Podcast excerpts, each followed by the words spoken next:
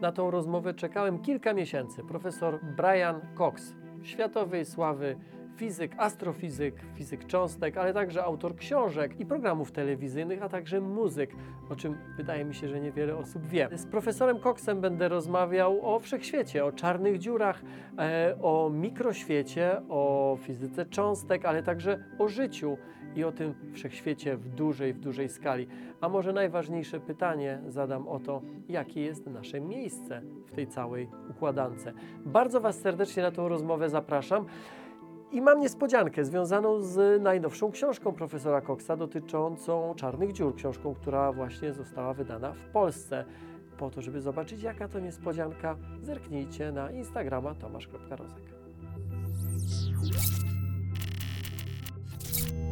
First, let me ask you, uh, what do you find the most interesting place in the universe nowadays?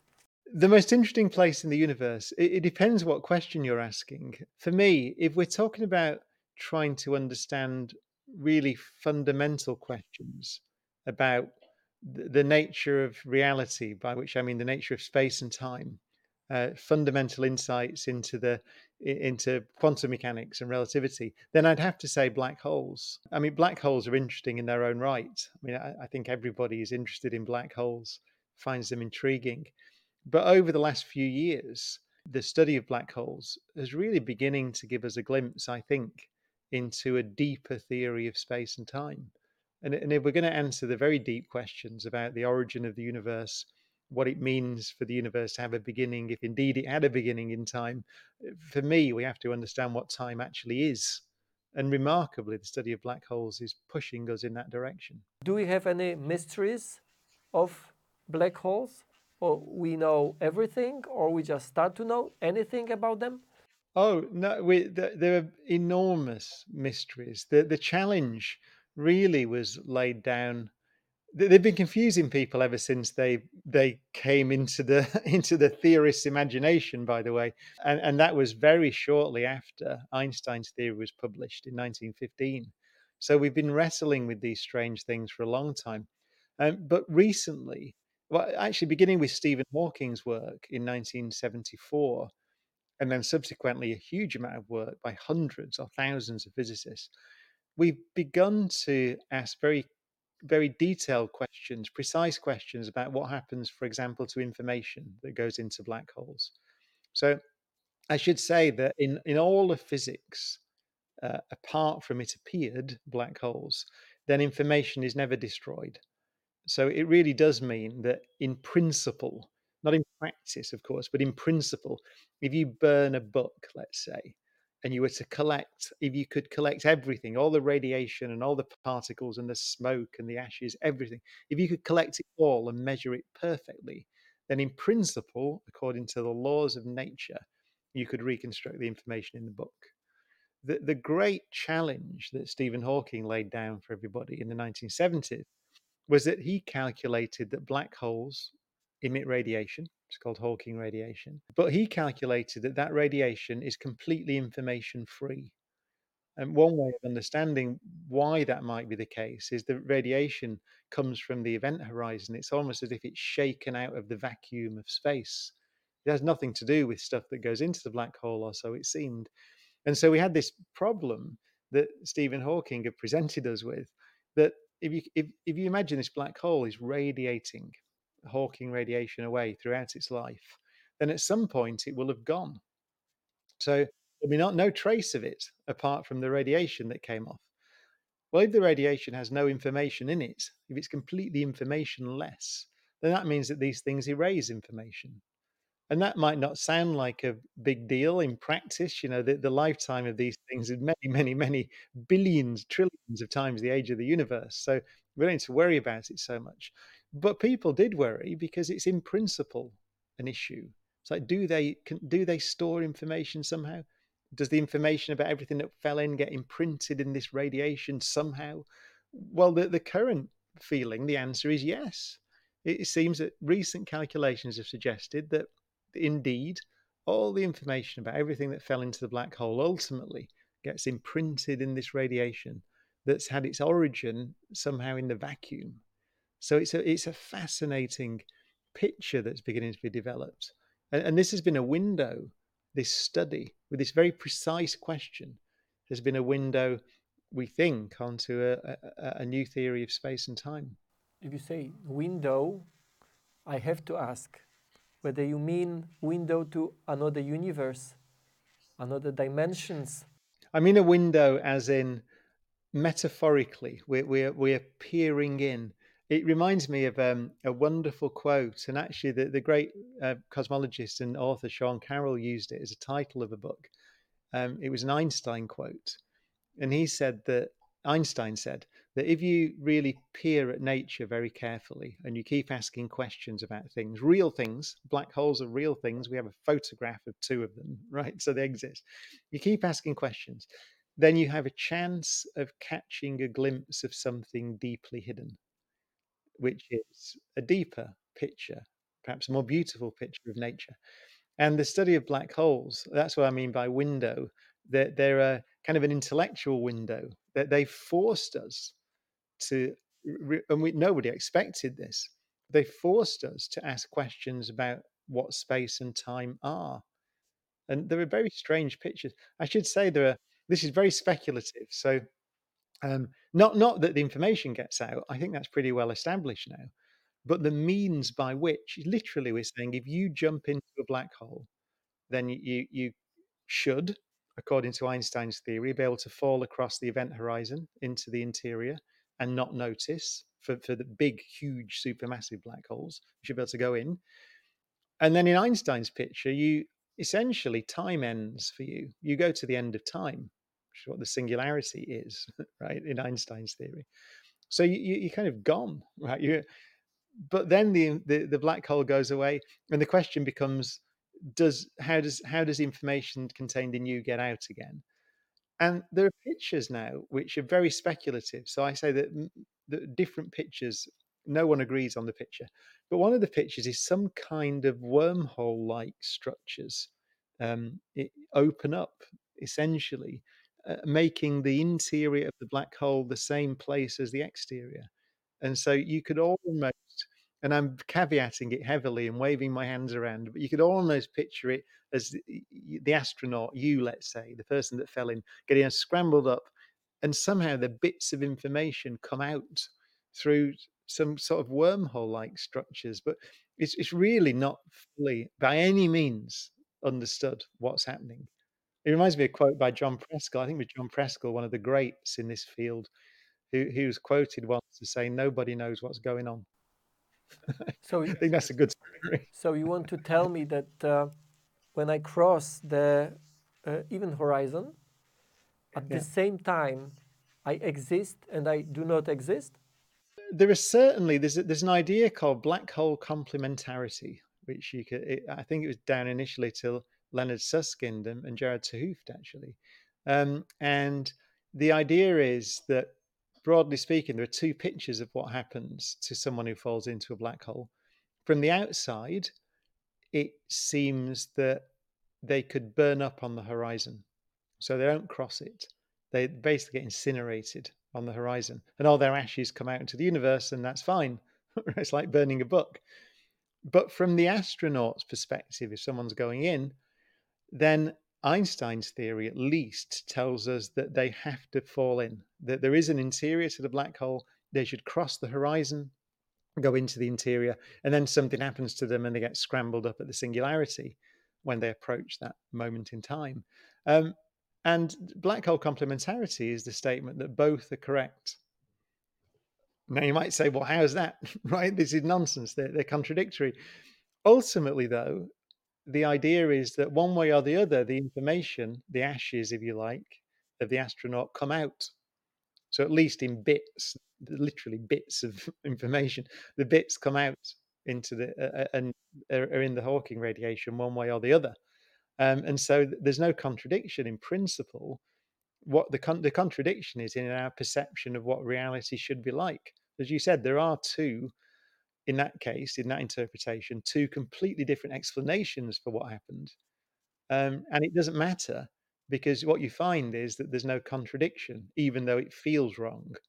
So that's one explanation. I should say again, you you, you can if you listen to the experts, or many of the experts talk about this online, you can go and find them. Then the, you won't find a, a consensus agreement about whether this is correct or what it means. But that's one of the examples. Uh, yeah, black hole complementarity. If I ask you about uh, the biggest mystery of the universe, in your in your opinion, if I ask you about one, the biggest, big of the biggest, okay, your answer will be black hole again, or you will quote well, something. I mean, the biggest mystery is why it exists at all. but putting that aside, um, I think another huge mystery, uh, which to, to, quote Carl Sagan, one of my heroes, uh, or to paraphrase Sagan, is is how the universe came to be able to understand itself. It's a question of life, intelligent life in the universe. I mean, and I talk about this in the live show. It's some some depth. It's almost a feels like almost a philosophical question, but it is of course a scientific question. It's how um, collections of atoms, which is what we are, right? Just collections of atoms, can get into this pattern where they can understand and explore the universe and, and have a sensation of what it means to be human in our case. That to me is a genuine mystery. And it's it, it, if you ask what are the most interesting structures in the universe, I would say human brains. I wouldn't say black holes, actually. I think a brain is significantly more interesting because it thinks. whatever that whatever thinking is. Whatever it is yeah sure. Uh, we could go even deeper. You said we are a collections of atoms. If we go deeper we could say atom is a collection of particles. For a particle physicist everything we see now around, independent whether we look into the star or tree, it's just a conse natural consequence of a few minutes from the very, very beginning of the universe. And actually, we are building uh, accelerators, particle colliders, somehow to recreate the conditions from the very, very beginning, to have a, in a certain sense, to have a look into the history, very, very, very far history. My question is, what discovery in particle physics you are waiting for to understand universe better? There are some very deep questions. Um, so we have a, a theory called the Standard Model of Particle Physics, which is one of its founders, Frank Wilczek, said is really not a good title because it's what it's it's arguably the greatest achieve, intellectual human achievement. This thing, right? The standard model it describes everything uh, other than gravity. So, um, in terms of three forces of nature, electromagnetism, and two forces the nucleus, the weak and strong nuclear forces, and and essentially everything that we see in the universe, including ourselves, can be constructed out of four particles, three really: the up quarks, the down quarks, and electrons and you have a thing called the electron neutrino. Um, so that's one family of particles, four objects which interact via three forces. Now, it's remarkable and not understood at all that there are two further copies of those four particles, which are identical in every way except they're heavier. And in particular, the top quark, the, the, the heaviest, it's, it's, it's in, in many ways the same thing as the as the up quark that sits inside a proton. It, except that it's it's it's 180 times heavier than a proton or something. It's, it's uh, a ridiculously massive thing, way more massive than even the Higgs boson that we discovered at CERN in 2012. And so there are deep questions about why that pattern. I mean, it reminds me and many people of the periodic table. So, way back before we understood anything about the structure of atoms at all, we had this wonderful pattern in the chemical elements, which was telling us about the deeper structure. So, it's surely the case that in particle physics, these 12 matter particles that exist, for example, rather than just the four that you seem to need to build a universe, um, is telling us something about a deeper structure. And there are many other questions. There are these little things called neutrinos, these particles which are in the standard model are massless. And actually, the, the, the, so like photons of light, the masslessness of them was actually one of the one of the clues that led uh, Abdus Salam, Steven Weinberg, and, and others uh, to to to build the Standard Model in the first place, they're they're not massless. We we discovered that they have a tiny mass. But there's a weird thing about something called their helicity, which is that uh, I saw Gerard 't the great Nobel Prize winning physicist, say that neutrinos are like vampires because they have no reflection. So they look at they look at themselves in a mirror, they can't see themselves. It's really weird. Hmm. We don't know why that is, right? But the weak nuclear force is to do with that. So so so there's all these tremendous questions. There's another one, the last one I'll say, which is a really fascinating one, is about the stability of our universe itself. So it turns out that when you look at the mass of the Higgs boson that we've discovered and the mass of the top quark that we've discovered and measured with great accuracy, they seem to be very precisely balanced and in a way that uh, says that our universe is not completely stable. It's kind of on the edge of stability. And at one, at one point in the far future, maybe it would change and all the laws of nature as we perceive them would change. Uh, it's called metastability of the Higgs vacuum, right? but, but so there are these weird coincidences and questions and patterns that we don't know about. So it's tremendously exciting. And uh, uh, whether the, the, the LHC, the Large Hadron Collider, will shed some light on these questions by discovering some new particles, a new force, discovering the Higgs particle is not quite as simple as we think it is. That, that those are great questions. I, I'm very excited actually about the future of particle physics. And what about the mystery of antimatter? Well, yeah, of course, that's another one. So we don't know why the, the there's a we see only matter in the universe. Yeah, and there is a difference in the standard model. There's a slight difference in behavior, which has been measured and is wonderful. Um, so, and I should say it's a convention, by the way, that as you said, it's very important to understand that you could have a universe built out of antimatter, and it'd be exactly the same, except it perhaps wouldn't, because there's clearly some difference in behavior between matter and antimatter. They should be the same. They were when they were essentially predicted way back, Dirac actually initially mathematically. Um, then then it, they should be identical in every way. That they're not, but they're not different enough to account for the fact that we observe that our universe is only made of one of them. We call it matter, right? It doesn't matter what we call it. Um, so that's another deep, deep mystery. Uh, the standard model is not able to explain that. You asked several deep questions.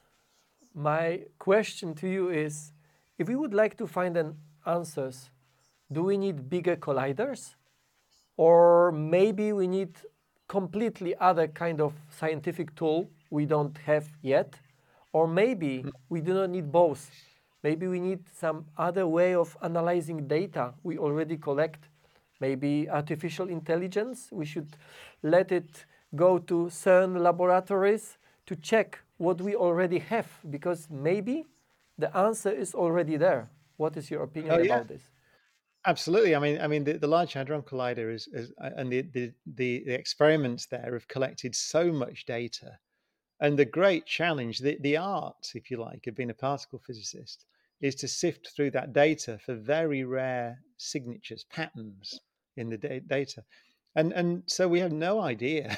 I agree whether we're doing the right thing. Um, we we we know from experience some of the things to look for. We look for things with a lot of um, so the beams collide kind of al- along sort of horizontally as it were uh, and we want stuff flying out in the at right angles uh, and things like that so so so we, we have kind of ideas of, of what we should search for Miss- missing energy which may be carried away by neutrinos or even maybe some exotic particles that go straight through our detectors and so we look for these signatures but someone could come along, some smart young physicist, or as you say, an, an, AI program, and say, actually, no, we could look for this. And suddenly we find something that we weren't expecting. So I, I think it's a fascinating idea. That, and that wouldn't just be LHC data, by the way. It'd be the data from experiments that all those collider experiments and cosmic ray experiments and all sorts of things that have been done for decades. I mean, all that data's there. Um, so yeah, I, I don't know. I don't know where the, the next discovery is going to come from. So you said it might be that we we need to build another collider, uh, a bigger collider. It, it's always been the case that when we've gone up in energy, which, as you said, is you can think of as going further back in time. It's one way to think about it. Or you can think about it as a bigger microscope that explores smaller distances in the, in the world. Um, you, then we tend to discover things.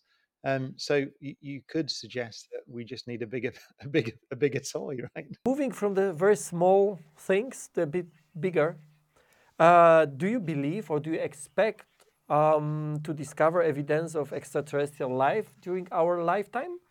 Oh, I mean, the, the answer is I don't know, but we're trying. So, um, it, it really in our solar system is where the real scientific exploration is currently focused.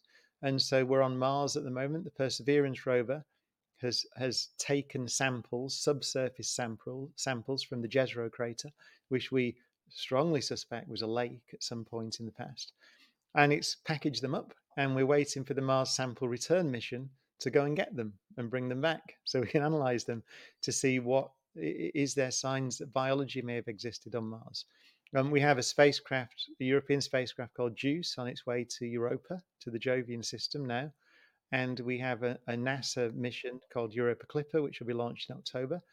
Uh, which Europa is an ice moon with a subsurface ocean and geological activity, we think, on the floor of the ocean. So we're going to check that out. It looks like it could be a habitat potentially for life.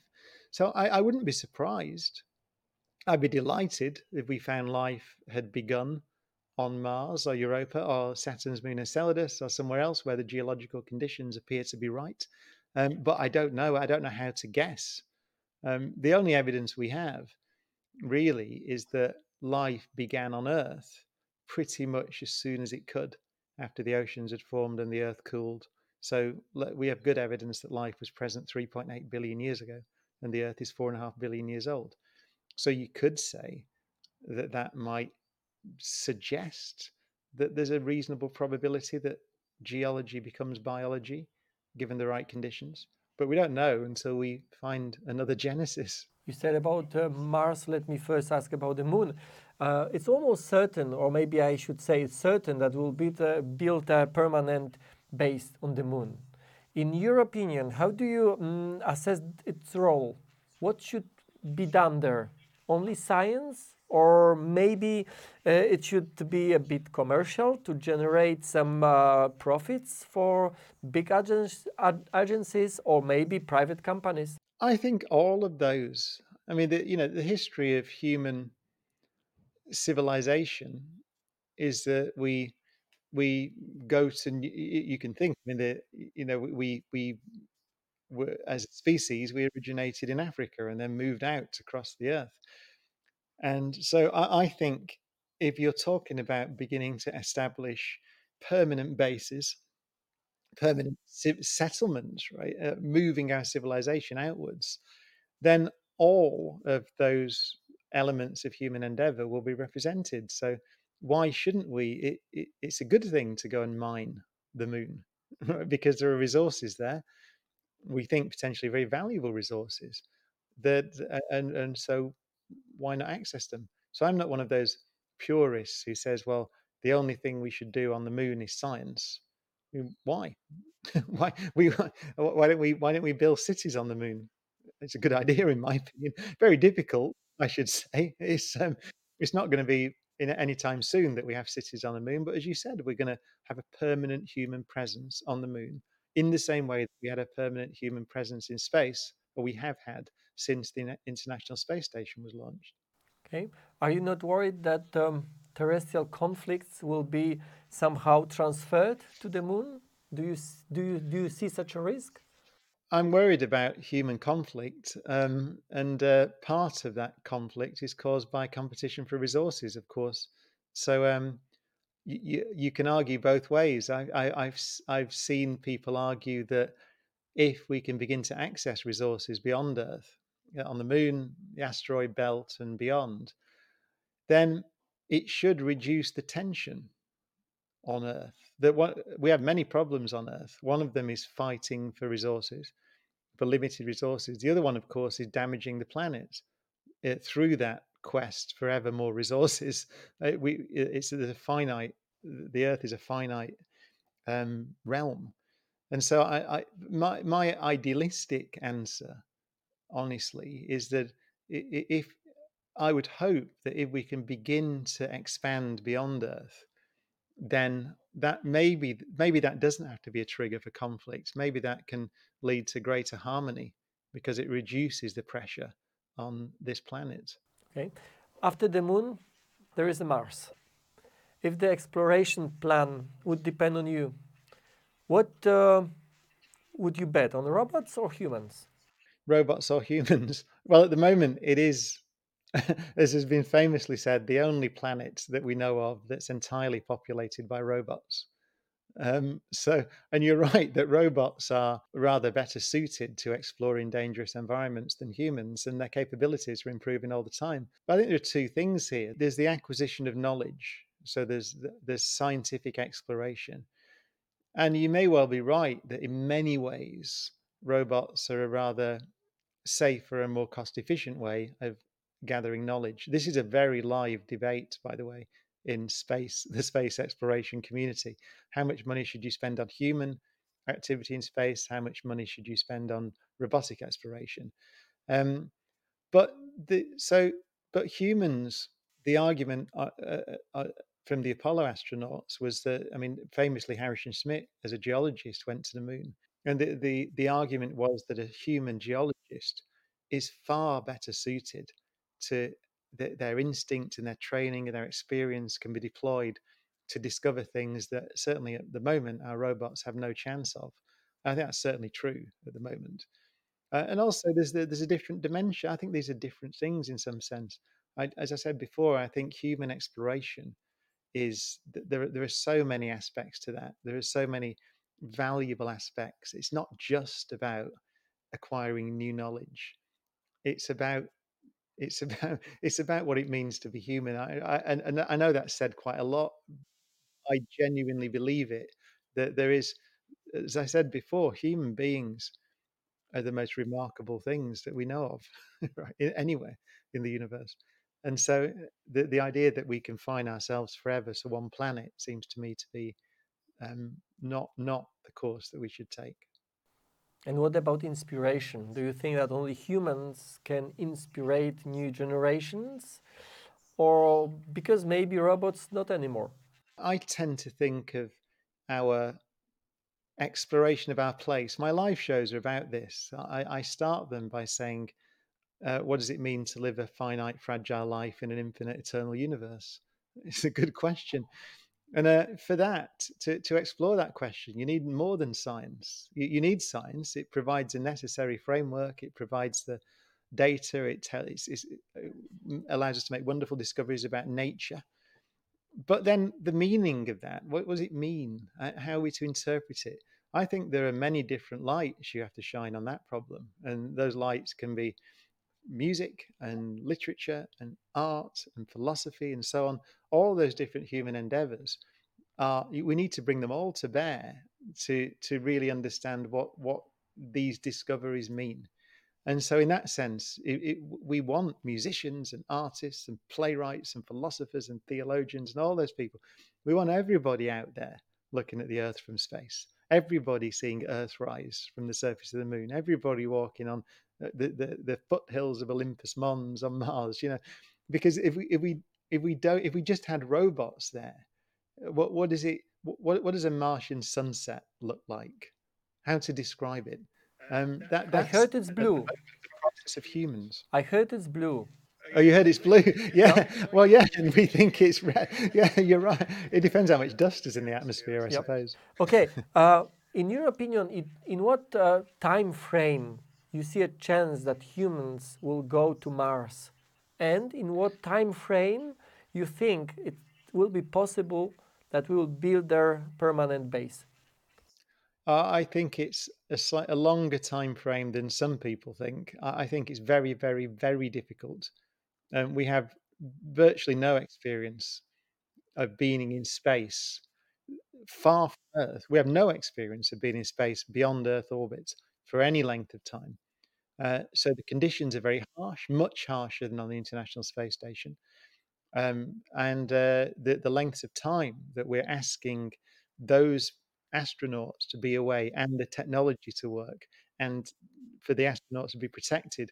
It, it's so difficult that I think we are quite a long way from it, um, personally. And by that I mean decades, uh, several decades minimum, I would say. My guess. I, I'd love to be wrong. I hope we go next decade. I hope we're there by 2030, but I don't think we're going to be there by 2030. I think we're going to be, I think it's going to be the 2050s or something like that. I guess, but I hope I'm not right. And what about you? Would you like to go to the moon, to Mars, both? What would be your choice? I wouldn't like to go to Mars because I said it's it's it's just a horrendous thing. I don't know how anyone would do it. There are people who would do it. They're they're you know different people to me. The moon, though, if you said, look, it's it's a week round trip, and you can go and stand on the moon and look at the Earth from the surface of the moon, I, I quite I would like that. I've got to say. In your opinion, what will be the future of humans or human species in the context of space?